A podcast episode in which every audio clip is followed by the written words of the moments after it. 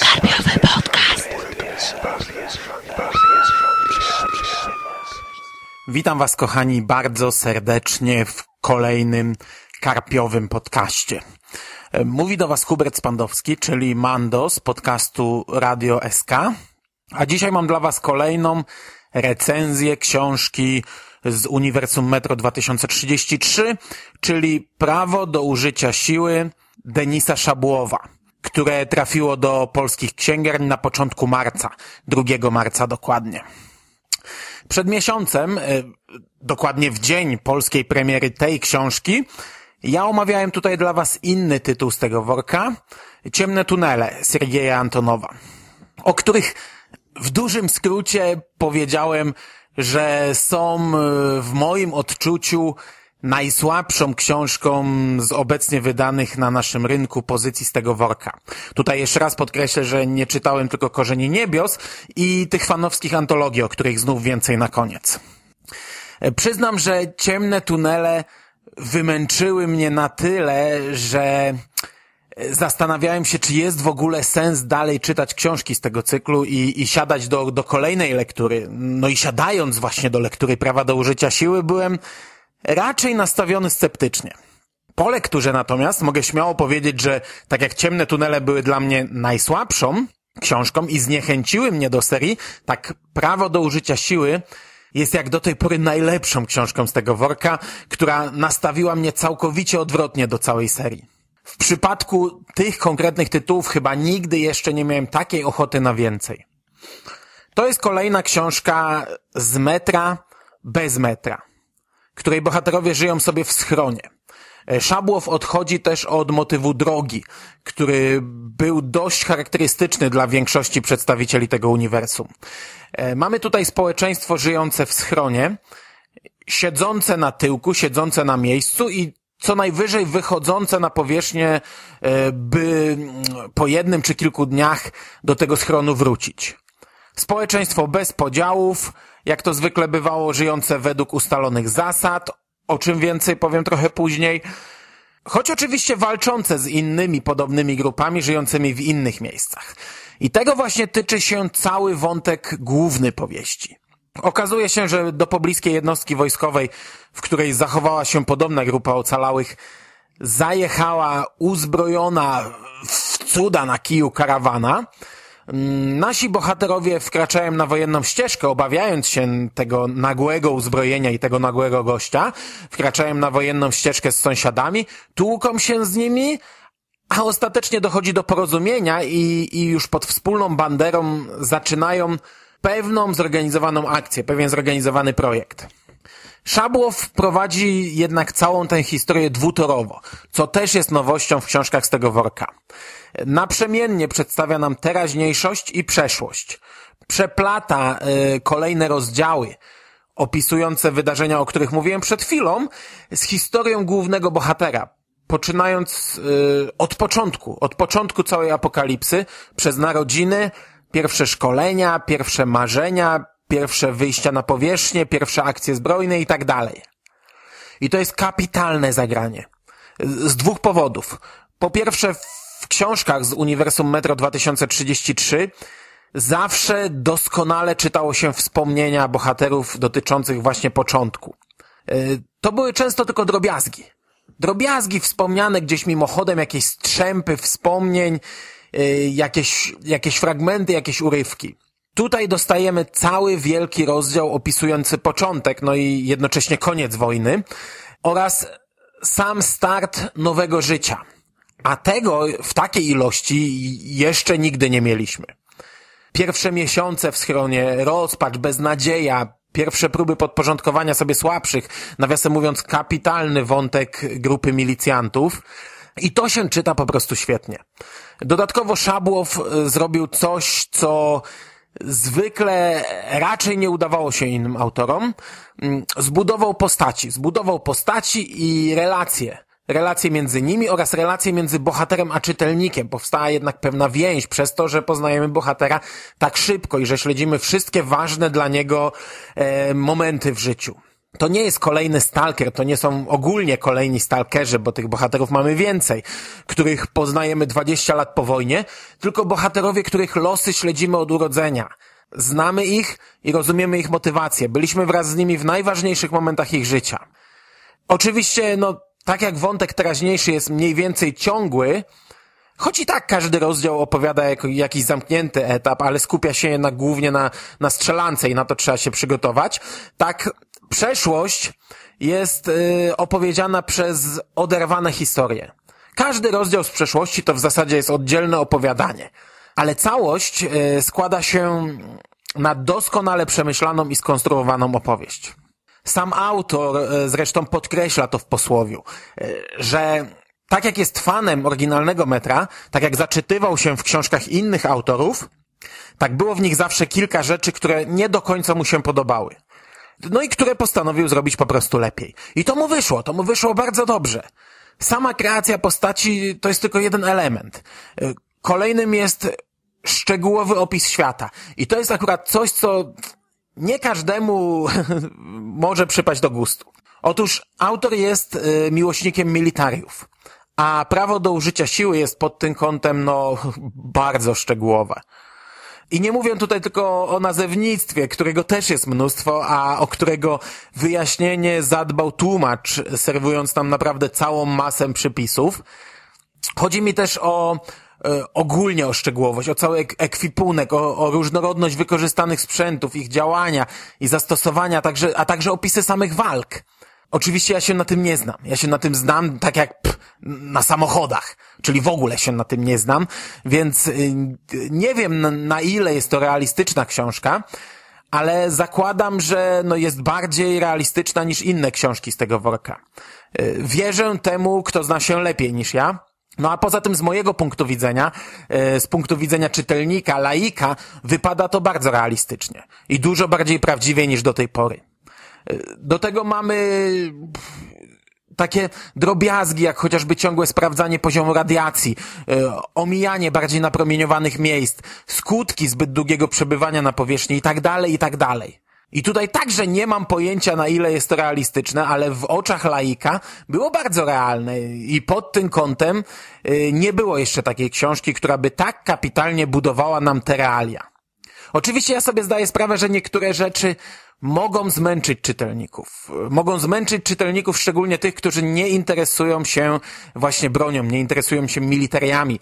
I, i, I sam mniej więcej w połowie książki przestałem już całkowicie czytać większość przypisów, o ile oczywiście rodzaj broni nie był istotny dla opisywanych wydarzeń, ale nawet jak to nie jest wasz konik, to jako osoba, dla której mnogość nazw jest też no, bardziej męcząca niż ciekawa, zapewniam, że pełen obraz prezentuje się dzięki temu dużo, dużo lepiej. Zresztą sam świat przedstawiony y, dla mnie jest też wielkim plusem tej książki. Ludzie żyją według całego szeregu zasad.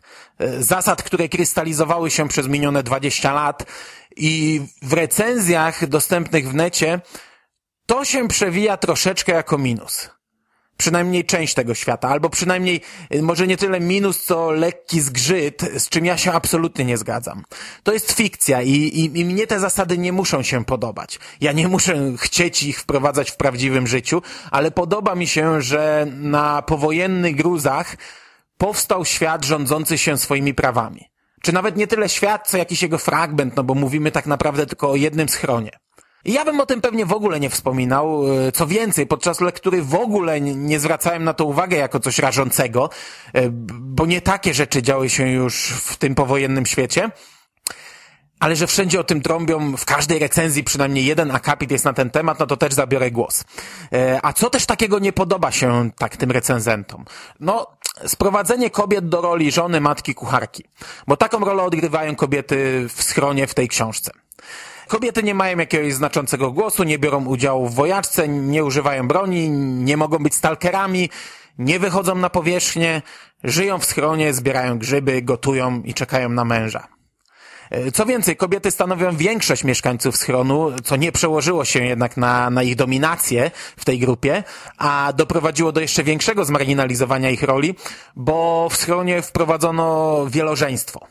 I tak też na każdego stalkera nie czeka jedna, a dwie, trzy czy więcej żon. E, jeśli o mnie chodzi, jest to plus, bo takiego tła jeszcze nie było. A dla mnie ogromnym plusem książek z tej serii było zawsze tło, czyli to, w jaki sposób rozwinęło się społeczeństwo, jakie prawa wprowadzili ocaleni, według jakich zasad żyją. E, zwykle autorzy wprowadzają kilka skrajnych grup, e, tak dla równowagi i dla kontrastu, przez co każda opisana jest po łebkach. E, Szabłow opisuje nam jedną społeczność. I, I dzięki temu ona jest mm, przedstawiona tak dobrze, tak szczegółowo i tak wiarygodnie. I mnie się mogą nie podobać reguły rządzące się tą społecznością, bo, bo sam świat mnie się nie podoba, no i mam nadzieję, że ludzkość nigdy nie doczeka się podobnej przyszłości, ale uprzedzam, że jeśli dla kogoś jest to minus, to może lepiej niech potem książkę nie sięga, by potem idiotycznych zarzutów nie wypisywać. E, w tej książce mamy też handel niewolnikami, sprzedawanie dzieci na narządy, krojenie dzieci, sprzedawanie ich i krojenie, sprzedawanie do osad, w których zachował się chirurg, żeby można im było wyciąć narządy i wszyć je y, starszym ludziom. Poruszane są różne rozterki moralne bohaterów. Mamy gwałty, samosądy, kanibalizm, czy też prawo silniejszego i, i tytułowe prawo do użycia siły. Nie jako zasada, a zawsze jako właśnie problem moralny. E, także naprawdę tutaj są cięższe i ważniejsze problemy niż zmarginalizowanie roli kobiety. Taki świat, takie reguły, mocne i, i dobrze zaprezentowane. Bardzo podobały mi się też mutacje, y, których o ile ktoś słucha moich recenzji, to może wyłapał, że ja nie jestem fanem. Y, lubię, jak to jest jakimś marginesem, tłem dla opowieści, y, a nie przepadam za przesadzaniem w tym temacie. Tutaj mutacji mamy całkiem sporo. Począwszy nawet od samych głównych bohaterów, którzy urodzili się już z pewnymi defektami. E, odchyłami od normy.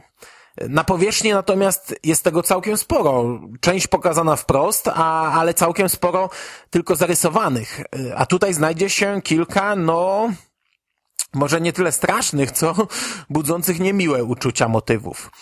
A wreszcie już na sam koniec, yy, skoro jestem przy mutantach, pierwsze samodzielne wyjście na powierzchnię naszych bohaterów i ich potyczki z niektórymi z przedstawicieli zmutowanych mieszkańców Ziemi ma miejsce zimą.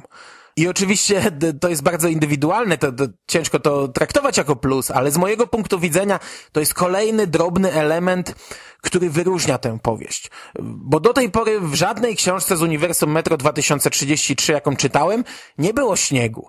To jest drobiazg, ale drobiazg, który pokazuje nam ten świat inaczej. A to, że ja sam bardzo chciałbym przeczytać książkę z tej serii w całości dziejącą się w jakiejś śnieżnej scenerii, no to już jest inna sprawa. Podsumowując, bardzo, bardzo, bardzo dobrze bawiłem się podczas lektury tej książki.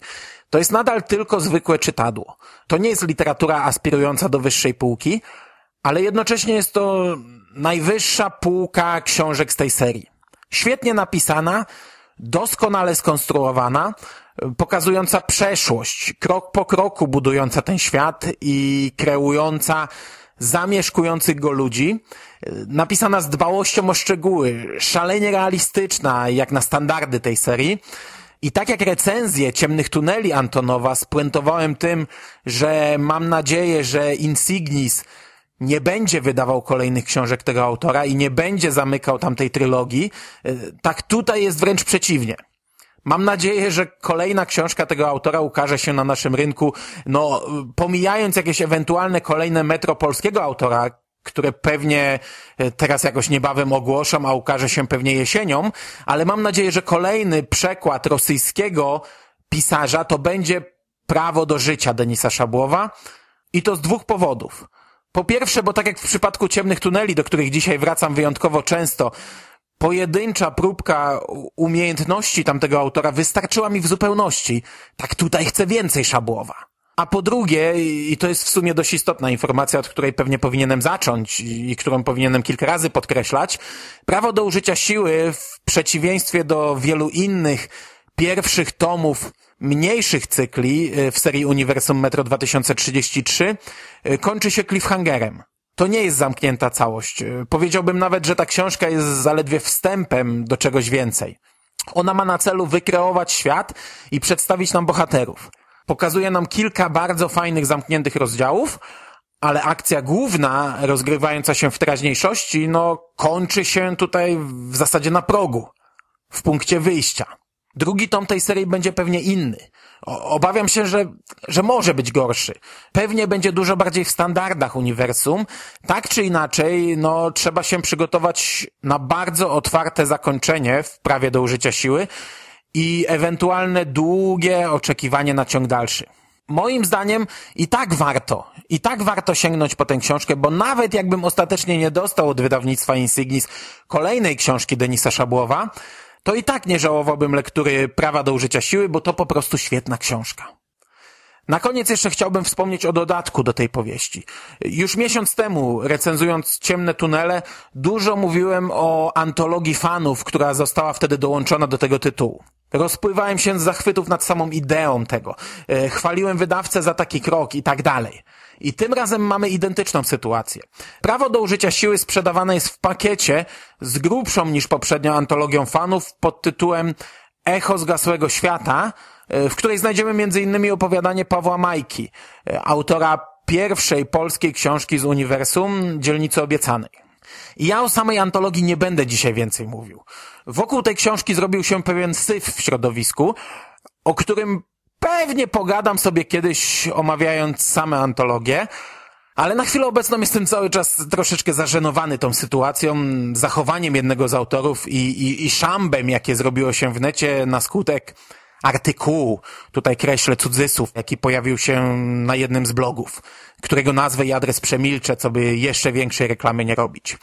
E, kiedyś pewnie rozwinę ten temat, ale na dzień dzisiejszy sytuację przemilczę, a powiem tylko, że ponownie czapki z głów przed wydawcą za pomysł i wykonanie.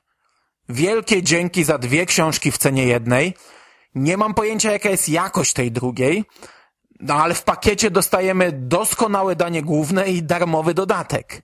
Bo przypominam jeszcze raz, że ta książka jest darmowa. Ja nie wiem, jak jeszcze mocniej można zachęcić do zakupu, ale mam nadzieję, że za rok czeka nas powtórka z rozrywki. I to zarówno w przypadku dania głównego, jak i w przypadku właśnie kolejnego dodatku. Na dzisiaj to ode mnie wszystko. Do usłyszenia, kochani. Trzymajcie się ciepło. Cześć.